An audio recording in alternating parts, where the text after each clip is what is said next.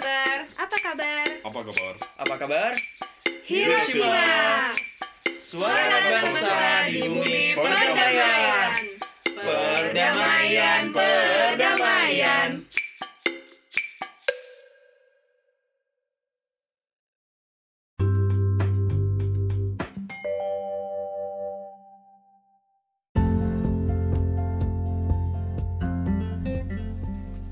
sahabat Hiroshima, kembali lagi bersama podcast Apa Kabar Hiroshima? Suara anak bangsa. Di bumi perdamaian. Yeay, welcome back. Kita kembali lagi. Nah, jadi podcast kali ini akan melanjutkan pembahasan kita di podcast sebelumnya yaitu tentang kabar kita para student di tahun 2022 ini gitu. Hmm. Nah, masih bersama saya Nuha. Dan saya Taufik. Ada Adri juga masih bersama di podcast Apa Kabar Hiroshima. Untuk mungkin saya ingatkan lagi ya untuk jangan lupa subscribe channel podcast PP Hiroshima dan nyalakan notifikasi untuk update terus siaran podcast kita selanjutnya gitu. Sahabat Hiroshima bisa dengarkan podcast Apa Kabar Hiroshima ini melalui Apple Podcast, Google Podcast, Spotify, ataupun via aplikasi Anchor atau melalui websitenya di anchor.fm. Jadi tulisannya A N C H O R ya Anchor. Anchor.fm seperti itu sahabat.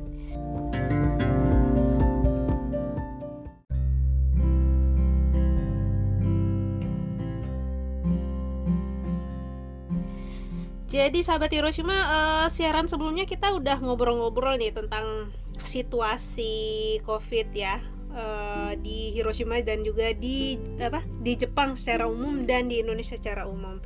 Nah terkait situasi COVID yang agak sedikit meningkat nih bukan agak ya, emang meningkat. eh apa eh, sistem pembelajaran di Hiroshima itu eh, jadi online ya sampai saat itu jadi online. Nah ha- apa di siaran podcast hari ini kita akan ngobrol-ngobrol gimana sih sebenarnya sistem perkuliahan selama masa pandemi ini. Masih tetap bersama sahabat Tadri dan sahabat Nuha serta sahabat Taufik. Nah, kalau sahabat Nuha dan sahabat Taufik nih, gimana sih rasanya kuliah online dari Indonesia? Siapa dulu nih? Sahabat Nuha dulu deh. Oke. Kalau kuliah online mungkin sama sih ya kayak yang dirasakan teman-teman yang lain eh, capek terus mungkin mudah untuk bosan gitu. Kalau aku sendiri eh, semua matkul jurusan itu bentuknya on demand. Jadi jadi kalau Nuha sendiri dari dari eh, kuliahnya di Hiroshima juga sama kayak Taufik dan Adri untuk jurusannya di Food and Agri Life Science ambilnya master degree. Nah selama ini dari dari perkuliahan awal Oktober kemarin sampai sekarang untuk matkul jurusan itu semuanya bisa dibilang semuanya ya semuanya itu bentuknya on demand. Jadi dosennya mengunggah video pembelajaran di setiap minggunya melalui web- website pembelajaran. Kalau di Hirodai namanya BB9 dan kita diminta untuk mengerjakan soal atau submit tugas report. Jadi untuk untuk nilai kehadiran gitu. Nah, mungkin kalau yang sifatnya live jadi eh, apa face to face langsung secara live sama bukan face to face sih, maksudnya eh, secara online tapi langsung dengan senseinya itu ada bahasa kelas bahasa Jepang sama kelas-kelas yang itu mata kuliah umum gitu. Jadi kayak eh, career management kayak gitu. Nah, kita biasanya lewat Zoom atau Microsoft Teams gitu. Terus untuk ujiannya sendiri, kalau yang bentuknya on demand itu bentuk ujiannya juga tugas akhir. Jadi bukan yang ujian kita real time dikasih waktu tertentu berapa jam gitu, itu enggak. Jadi kita dikasih tugas akhir, nanti kita submit juga lewat BB9. Terus juga bahkan ada beberapa mata kuliah yang itu enggak ada ujiannya. Jadi ujiannya itu di, di eh, nilai ujiannya diambil dari eh, tugas-tugas kita di tiap minggunya itu gitu. Terus kalau rasanya misal ditanya rasanya gimana sih gitu kuliah online dan dari Indonesia gitu. Ya tentunya melelahkan dan membosankan kalau aku sendiri gitu. Terutama yang on demand sih yang on demand. Jadi nggak ada interaksi dua arah, nggak bisa tanya gitu-gitu sih Hmm, kalau aku. seperti itu. Kalau sahabat Taufik sendiri gimana nih? Uh, sebetulnya kalau untuk format, format pembelajaran sudah udah jelasin ya Menuha tadi semuanya udah dirangkum tadi um, jenis penilaian, jenis kelasnya juga. Tapi kebetulan mungkin kalau sama aku di di um, International Peace and Coexistence kita banyak masih banyak kelas yang live. Jadi masih banyak yang interaksi sama orangnya, masih ada uh, sensei atau profesor yang langsung yang ngajar gitu. Walaupun ada juga matkul atau mata kuliah di awal-awal itu yang subjeknya diajarkan di BB9 tadi portal buat belajar tadi ada materi di situ kita baca kita kerjakan tugas gitu. Cuman kalau kesan untuk kelas online ini untuk belajar online ini menyenangkan dan juga tidak menyenangkan. Menyenangkannya itu uh, tetap ada tetap ada beberapa sensi yang tetap uh, luar biasa kemudian tetap bisa ngebawa suasana kelas dengan baik. Bahkan ada kelas yang yang kebetulan aku ambil kelas kelas intensif gitu yang yang dia kelas 6 jam atau berapa jam gitu itu hybrid. Jadi ada yang di kelas dan di ada yang online gitu. Sensenya berusaha untuk tetap uh, ngarahnya uh, ngarahin kamera ke siapa pun yang berbicara, mikrofonnya digeser ke mana pun siapa pun yang ada di kelas. Jadi itu suatu yang suatu hal yang aku rasa luar biasa dan aku apresiasi banget gitu. Saya berusaha untuk membawa suasana kelas walaupun kita sedang tidak di kelas. Cuman sebagai privately funded students rasanya nggak nggak nggak bisa dilewatin satu hal yang membedakan sama yang yang yang nggak private ber, berkaitan sama uh, pendanaan.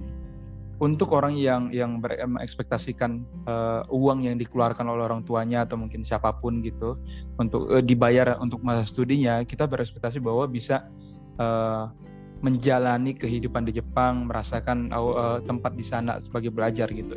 Jadi itu yang mungkin jadinya uh, yang sangat-sangat uh, tidak enak dan dan dan dan rasanya beda banget sama pembelajaran offline dan bisa dibilang kalau misalnya teman-teman mendengarkan podcast sebelumnya dari episode ini kita bahas tentang uh, border Jepang tadi itu satu hal yang juga jadi uh, highlight terbesar untuk anak privately funded students ini adalah tidak adanya pengurangan biaya apa pun untuk pembayaran uh, uang semesteran atau tuition fee. Jadi dengan tuition fee yang yang sama jumlah nominalnya, kita tidak mendapatkan sepenuhnya experience belajar di Jepang gitu.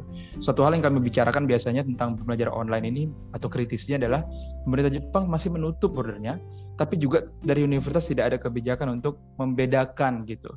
Entah misalnya solu mencarikan solusi dengan uang yang sama gitu, atau mungkin ada pemotongan biaya karena kita tidak mendapat experience langsung di sana itu sih hmm, seperti itu uh, kalau untuk pemotongan biaya kuliah uh, sebelumnya sudah dibicarakan dengan sensei misalnya atau mungkin staff di fakultas atau gimana nih sahabat Taufik sudah sudah hmm. jadi um, sebelum masuk ke Hiroshima kebetulan uh, aku sendiri itu uh, ngajuin um, tuition fee waiver hmm. pemotongan biaya biaya kuliah hmm. alhamdulillahnya untuk teman-teman yang mungkin akan mendaftar di Hiroshima juga, sahabat Hiroshima mendengarkan podcast ini, kemungkinan besar kalau mungkin kebijakan tidak berubah.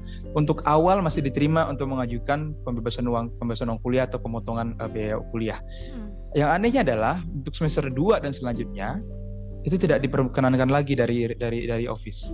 Saya sudah mengajukan pertanyaan ini ke sensei bukan hanya sensei saja, sensei saya aja yang sebagai uh, supervisor, tapi ke sensei lain, kenapa tidak boleh gitu? Terus alasannya karena kita tidak tinggal di Hiroshima.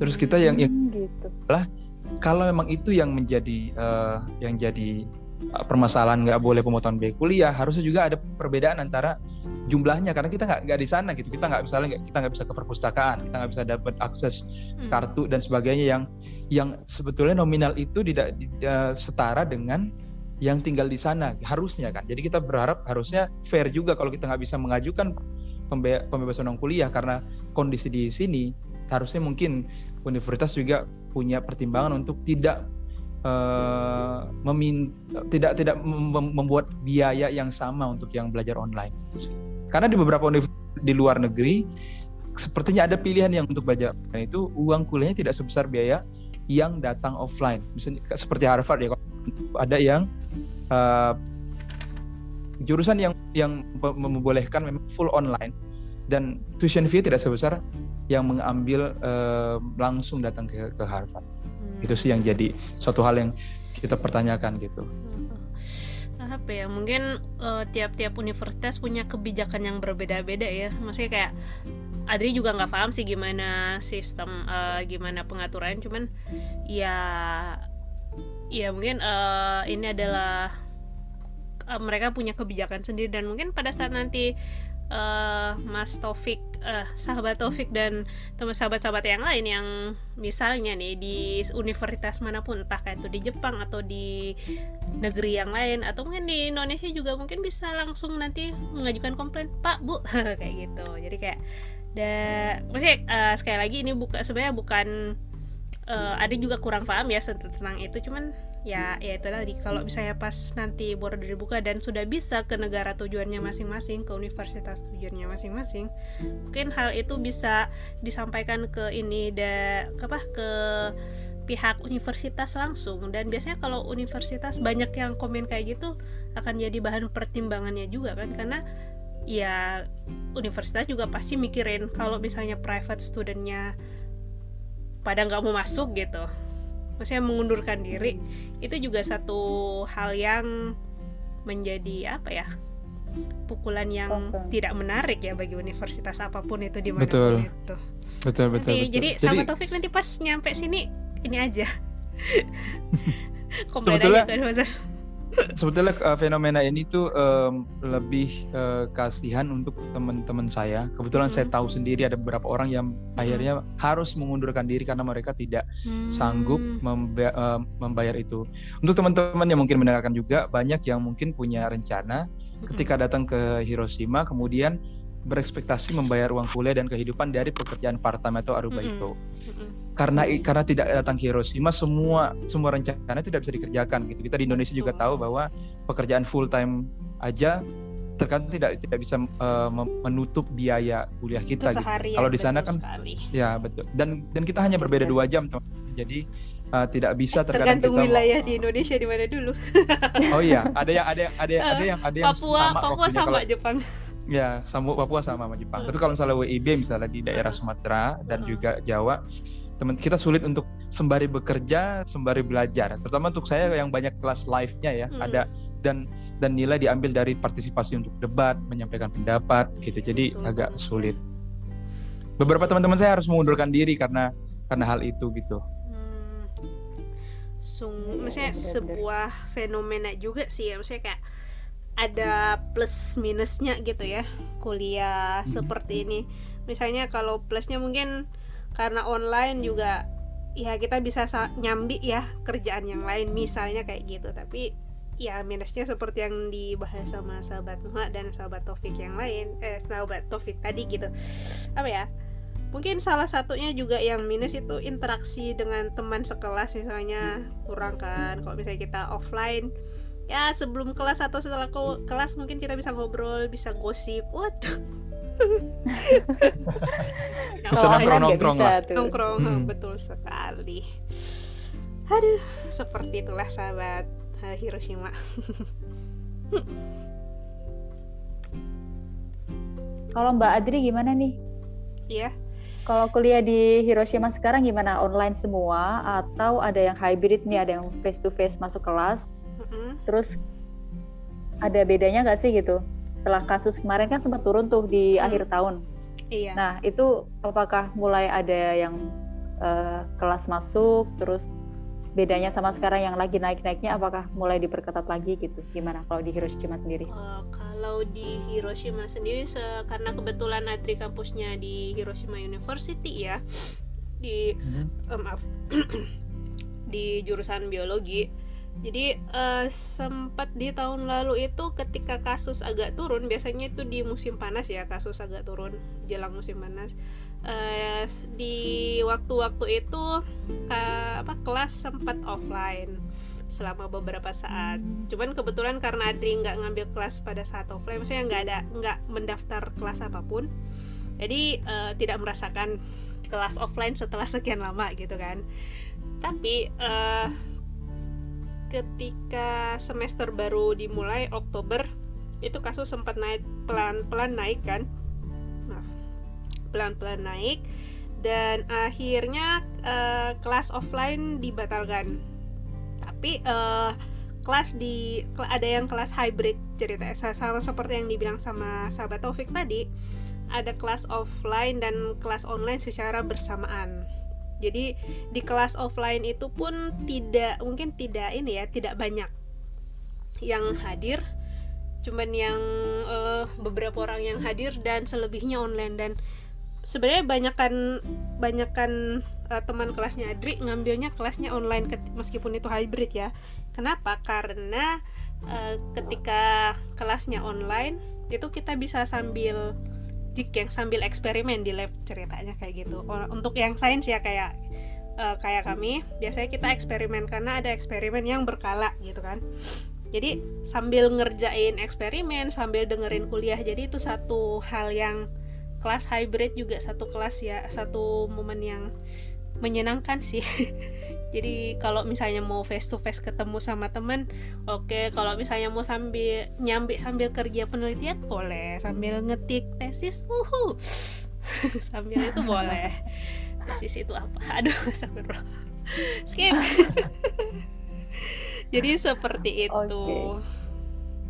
berarti ada pilihan ya? Bisa ambil kelas offline bisa ambil kelas online gitu? Uh -uh tapi uh, sebagian gitu. besar uh, iya. Tapi sebagian besar kelasnya Adri sih kelas online sekarang.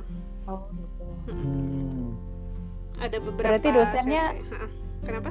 Berarti senseinya menyiapkan ini ya materi buat yang offline juga. Nanti juga dia ngajar di kelas gitu. Kalau overall sih materinya seperti yang sahabat Nuha dan sahabat Taufik tadi bilang ya materi biasanya mm -hmm. uh, akan di share baik itu via Microsoft Teams ataupun ataupun ataupun uh, BB9 seperti itu BB9-nya Hiroshima University. Jadi kita bisa Jadi waktu download. di kelas hmm? Oh gitu. Jadi waktu di kelas beliau ngajar itu di record gitu. Iya. Oh gitu. Hmm, di record. Jadi kita bisa nge-review lagi pelajaran yang sebelumnya. Tapi biasanya recordnya pun ada batas waktunya buat uh, ngelihat ulang gitu kan apalagi yang on demand. Jadi nggak biasanya uh, ada di ada yang uh, record apa ada yang kuliah bisa dilihat terus kapan saja di mana saja. Tapi ada juga kuliah yang kayak kasih jangka waktu. Rekaman ini hanya bisa disimak ulang itu misalnya sampai dua minggu ke depan. Jadi kayak ya seperti itu. Hmm Oke oke. Iya sih aku juga ada yang kayak gitu. Jadi yang uh, apa dibatasin ininya. Jadi ada tuh udah udah diupload ke materi, tapi setelah kuliahnya udah selesai sama senseinya itu dan ganti sensei, nah itu yang materi dari sensei sebelumnya tuh udah nggak ada gitu. Kita udah nggak bisa akses. Dan yang paling ada challenging itu, itu kalau on demandnya dalam bahasa internasional, bahasa internasional yang agak kurang bisa kita pahami. Oh, maksudnya okay, gimana tuh? Jadi mungkin bahasa Inggris tapi aksennya cukup sulit untuk dipahami bisa. Uh, bisa jadi bahasa Inggris dalam aksen yang berbeda dengan biasanya kita dengar hmm. ataupun kelasnya full berbahasa lokal.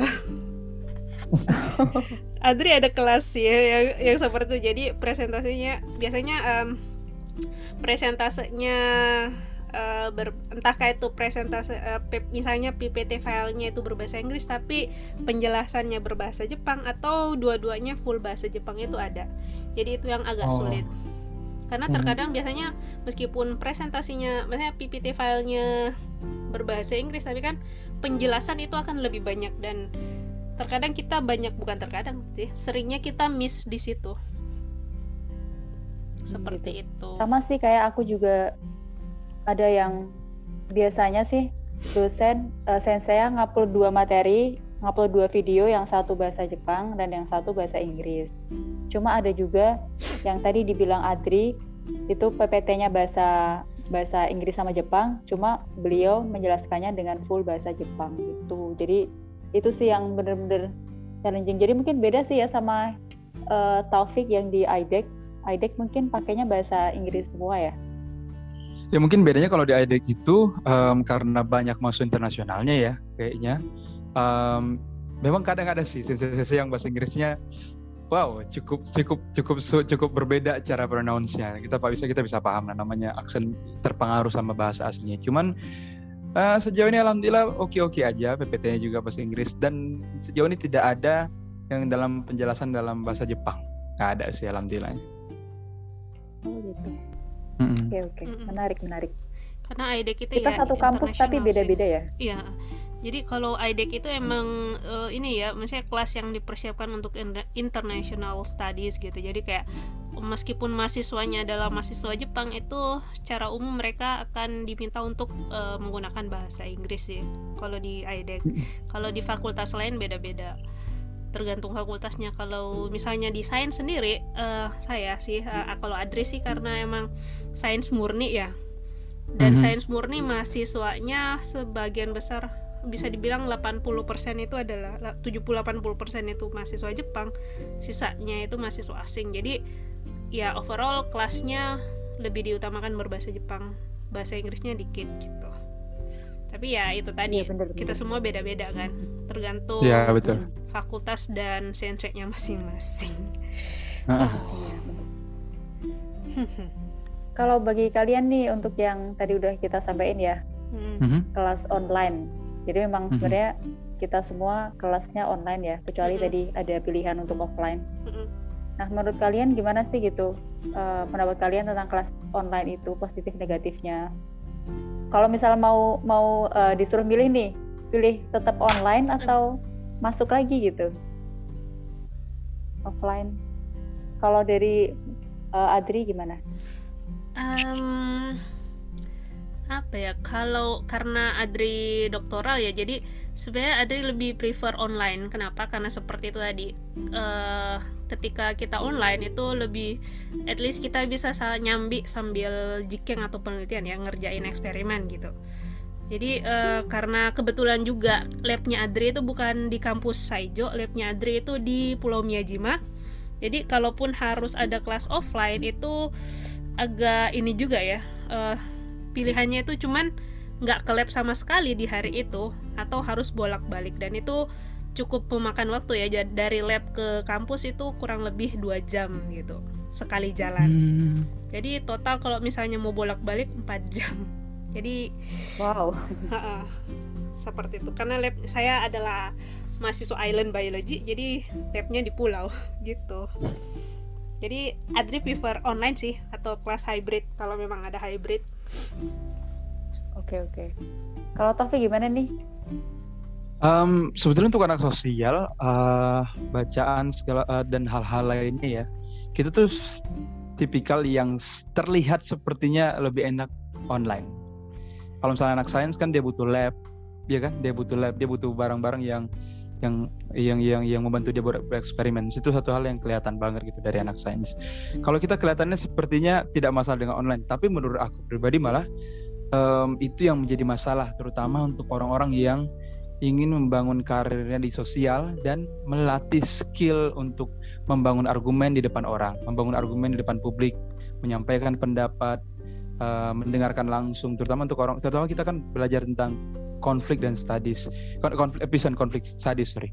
Jadi eh, bernegosiasi, kemudian menjadi mediator dalam konflik itu berawal dari membangun komunikasi yang baik di saat tatap muka seperti ini. Jadi eh, anak sosial itu belajarnya bukan cuma di kelas kalau menurut aku lebih ke menempatkan diri di negara itu juga gitu. Mengenal Hiroshima yang dikenal dengan dengan kota perdamaian ini penting sekali untuk datang ke sana melihat bagaimana pola pikir masyarakatnya, bagaimana Hiroshima ini bangkit sebagai sebuah kota yang pernah dihancurkan itu tidak bisa diwakilkan dengan kelas-kelas online sih kalau menurut aku. Jadi kalau ada kalau disuruh milih offline atau online jelas I, I, I, I, I, I don't need to think twice gitu kayak jelas offline pastinya.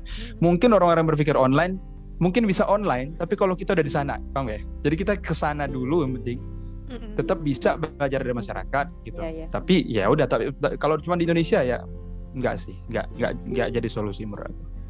bener sih lebih lebih berasa feelnya ya kalau bisa Betul. ber, at least bersentuhan langsung gitu kalau Mm-mm. ini ya Mm-mm. Saya paham sih maksudnya kayak meskipun saya anak sains tapi karena beberapa kali sempat juga ke ini ya kayak ada kelas eh, yang berkaitan dengan peristiwa 45 kemarin itu Mhm. jadi kayak memang biar berasa feelnya itu ketika kita berkomunikasi berkomunikasi langsung dengan orang-orang entahkah itu orang yang ada di Hiroshima ataupun mungkin orang-orang yang tahu eh, peristiwa 45 eh, peristiwa bom Hiroshima misalnya di tahun 45 dan sebagainya I do Mhm. really feel that terutama misalnya kita ada kelas diskusi yang sifatnya em, satu Berargumen ya. eh, ya berargumen kalau online kayak gini kita harus nunggu satu orang selesai ngomong iya bener habis itu bisa jadi nggak kedengeran kalau misalnya kita motong percakapan Iya. jadi rasa jadi nggak sopan iya gitu bener. jadi rame di telinga orang nih berkumpul semua suara suara ketika misalnya Iya, kayak saya benar. sementara kalau offline itu beda eh ya nggak bisa Kita gitu kan nggak bisa gitu gitu serame apa pun orang kita akan terasa kayak ya udah nggak Iya. perlu ada mute unmute. Uh, you are on mute sensei. Here you hal-hal kayak gitu nggak akan terjadi. Iya betul betul sekali. Maksudnya kayak meskipun apa meski bukan hanya di sosial sih sebenarnya di sains juga pada saat kita mau berargu beda, beradu argumen misalnya mau nanya ke sensei atau misalnya mau motong eh, argumen teman itu kayak aduh kapan ya selesai ngomongnya? Gitu. Hmm, kita harus kita harus nunggu dulu kayak kayak ada jatah ngomong oke selesai selanjutnya gitu. Itu, itu hal yang hal yang aneh. Aku percaya tidak ada yang bisa uh, menggantikan pertemuan fisik sih. Sebagaimana bagaimanapun teknologi semaju apa pun nanti di iya masa depan betul ya sekali. Kita aku nggak kan apa itu. manusia itu kan makhluk sosial ya. Kita butuh Mhm. ber bersua lah. Iya bener-bener Eh, terutama misalnya satu lagi nih Hmm. lanjut pertanyaan selanjutnya. Em, kalau misalnya offline setelah kelas selesai kita bisa dengan mudah datang ke sensei nanya apa pun yang tadi diajarin sementara untuk online itu harus janjian dulu atau kita kirim email dulu dan beliau harus nah bener harus bener memperkirakan memperkirakan kapan ada uh, meeting selanjutnya segala Mm. macam. Cuman aku tipikal orang yang ter- terkadang nggak mikirin itu. Kayak selesai kelas aku bilang saya sih would you like to uh, have a time to talk for a bit. Like five minutes walaupun akhirnya jadi setengah jam gitu. Tapi aku kayak I don't care I need you to to, to explain it to me so yeah I need you to stay gitu. Tapi nggak semua orang kayak aku kan nggak semua orang yang Hmm. yang yang kayak berasa itu itu itu polite atau atau sopan gitu. Jadi ya tetap offline sih menurut aku yang yang terbaik. Hmm, tidak ada yang mengalahkan Oke, offline. Kalau di kasusku sendiri nih ya, karena aku nggak nggak ini ya, mungkin karena on demand gitu. Jadi bener-bener nggak ada interaksi antara sensei dan student dan juga interaksi antara student dan student lainnya gitu. Jadi bener-bener bagi yang yang kelasnya on demand dari awal masuk kayak aku gitu. Nah itu bakal susah banget nih untuk untuk uh, approach sensei dan juga approach ke student lainnya gitu. Karena kan memang belum pernah ketemu in person ya sebelumnya. Dan bakalan susah kalau misal uh, sebenarnya bisa sih tadi kayak yang Taufik bilang, kita bisa tanya kalau misal di on demand nggak ada interaksi, kita bisa setelah itu bisa tanya lewat email gitu. Tapi uh, karena sebelumnya belum pernah ketemu, belum pernah kenalan, oh ini saya Nuha gitu, saya mau tanya gini gini gini.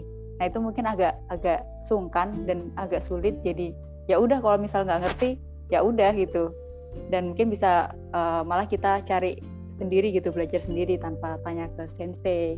Nah itu sih yang susah dari kuliah onlineku. Mungkin kalau misal live live kayak tadi yang uh, Taufik bilang itu bisa lebih lebih me- apa ya bisa lebih jelas sih daripada kalau misal misal on demand gitu sih kalau aku. Tapi kalau ke apa positifnya karena on demand itu kita bisa tonton dan bisa pelajari kapan pun itu lebih fleksibel untuk belajar. Jadi nggak harus Betul. mematok waktu. Oh jam segini harus kelas gitu-gitu sih Iya. kalau aku. jadi offline online ada plus minusnya juga sih ya Betul betul. Hmm, benar. segala sesuatu pasti ada positif negatifnya sih Mhm. Terus ini nih, kita tadi udah ngomongin tentang kelas online positif dan negatifnya gitu. Mhm. Nah, bagi kalian nih dan bagi eh, aku juga tantangan terberat nih selama kuliah dari eh, kalau Taufik nih dari Indonesia tantangan terberat Mhm. selama kuliah dari Indonesia apa sampai sekarang? Tantangan terberat kuliah dari Indonesia pertama adalah kemalasan pastinya. ya terkadang karena kadang aku eh, semester lalu ada kelas yang dimulai jam 6 jam 6 jam 6 ya, atau jam 6 kurang Eh, kayaknya 6 berapa gitu. jam iya jam Eh, 6 sana sih 8 dua Iya ya jam 6 kalau di. Indonesia.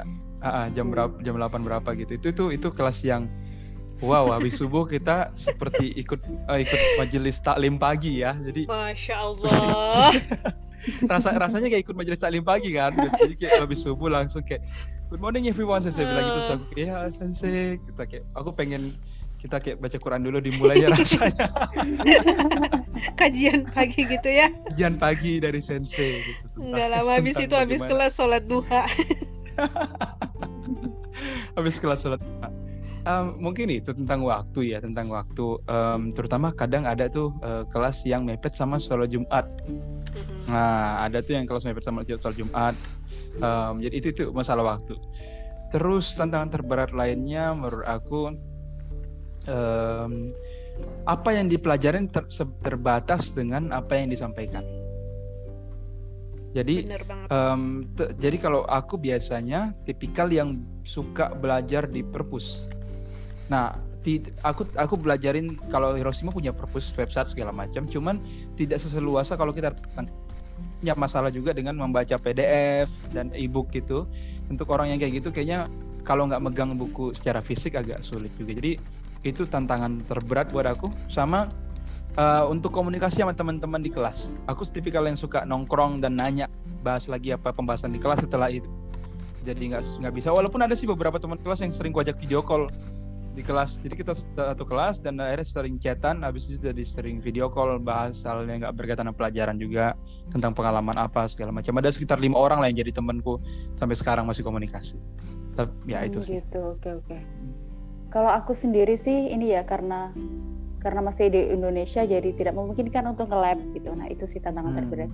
Padahal uh, sains yang membutuhkan lab bahasa itu sangat berat sekali untuk tidak nge-lab dan bahkan tidak bisa jalan untuk research uh, untuk research planku gitu. To the lab, Jadi to the lab. Uh, harus harus nge-lab dan dan kayak ada semacam mungkin preliminary eksperimen sebelum benar-benar kita melanjutkan penelitian gitu. Jadi hmm. harus tahu nih ini benar-benar bisa dilanjutkan apa enggak gitu. Nah, sedangkan saya masih di Indonesia jadi benar-benar nggak bisa ngelanjutin research plan sih kalau sampai sekarang kalau aku gitu. Hmm.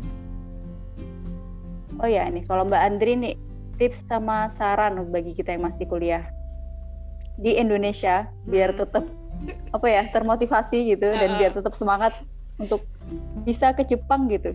Mungkin bisa berbagi dengan kita.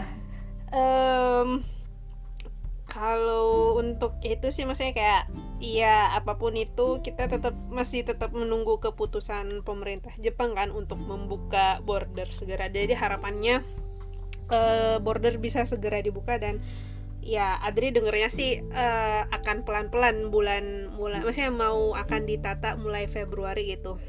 Karena kalau nunggu Amin. COVID uh, ini selesai maksudnya ini juga agak turun mungkin agak susah. Jadi sepertinya juga denger-dengar sih isunya kayak gitu ya.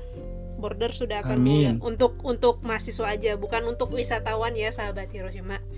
Jadi hmm. kalau misalnya buat teman-teman yang masih di Indonesia insya Allah semangat uh, tetap semangat aja uh, bentar lagi insya Allah uh, kalian pelan-pelan bisa masuk. Dan saya juga sebenarnya private funding yang tertahan di Indonesia kemarin kan. Tenang hmm. aja sahabat Taufik. Kau bisa masuk kok. Saya bisa masuk. Jepang tahun Amin. lalu. Insya Allah bisa. Amin. Terus uh, buat teman-teman yang lagi kuliah online uh, misalnya gini ya. Kalau aku karena aku anaknya suka berkawan gitu kan. Jadi biasanya pas uh, pas uh, selama saya ngobrolnya di Teams gitu kan ataupun di hmm. Zoom aku tuh ngechat teman siapa pun itu teman nanya iseng nanya gitu kan eh uh, kamu paham nggak uh, kelas ini meskipun awalnya nggak kenal kan jadi kayak kenalan gitu eh saya ini saya misalnya Adri dari jurusan biologi aku nggak paham loh ini penjelasannya sensei yang ini gitu jadi abis dari itu kita ngobrol. Jadi kayak dibawa ke situ aja. Karena kan terkadang ada apalagi kalau misalnya kelasnya dalam bahasa Jepang gitu. Jadi Adri nanyanya ke temen yang Jepang gitu. Eh uh, did you know about uh, what sensei talk about? Gitu kan. Kayak apa ya sok-sokan kenal gitu SKSD kan istilahnya kalau kita hmm. di Indonesia kayak gitu aja. Hmm.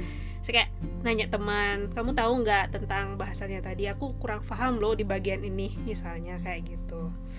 Terus apa lagi ya kalau kuliah karena mungkin banyak yang belum terbiasa dengan Teams ataupun BB9 ya jangan ragu-ragu untuk uh, nanya ke orang yang uh, kalau misalnya entah kayak itu teman kelas atau misalnya sensei atau siapa pun itu kalau misalnya udah punya teman seleb misalnya kan udah kenalan dengan teman lab nanya aja sama temannya ini gimana sih pak cara ini? Atau misalnya teman-teman Indonesia gitu.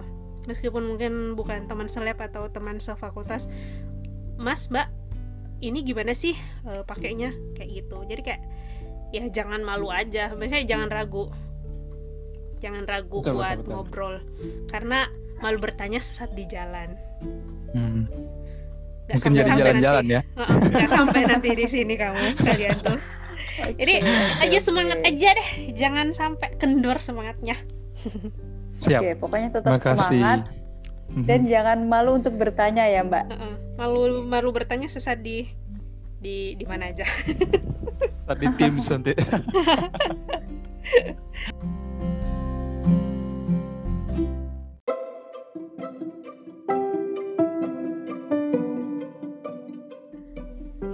Oke, terima kasih banget nih buat Adri sama Taufik yang udah sharing-sharing buat hari ini. Mm-hmm. Itu udah buat mahasiswa yang masih di Indonesia seperti aku dan Taufik. Mm-hmm. sebenarnya uh, walaupun seperti nothing we can do gitu ya buat the situation gitu. Tapi mm-hmm. ya banyak-banyakin berdoa aja sih kalau menurutku. Betul.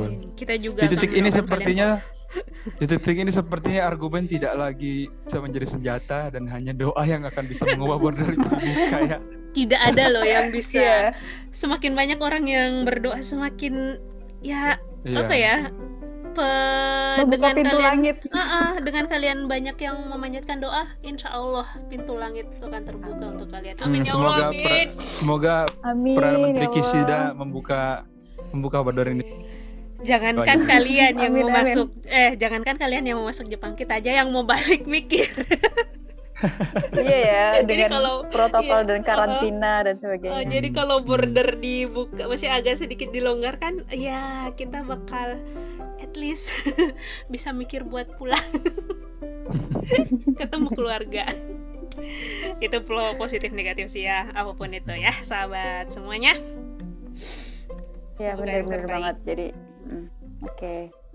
Semoga ada kabar baik secepatnya untuk kita dan bisa ke Hiroshima dan bertemu dengan sahabat semuanya termasuk Adri gitu. Uh, kita tunggu di Hiroshima. Tenang saja amin, ya.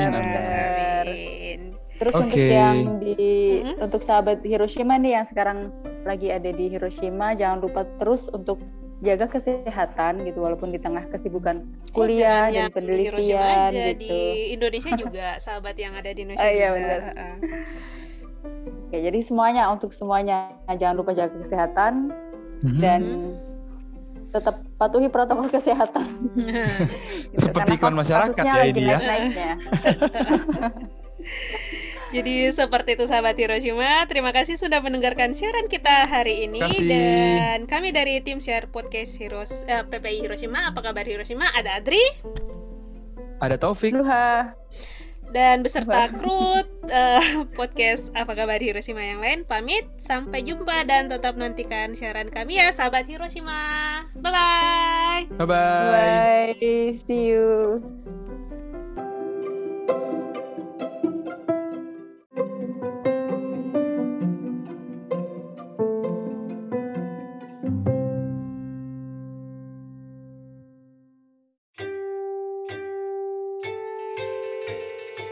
広島パミまた会いましょう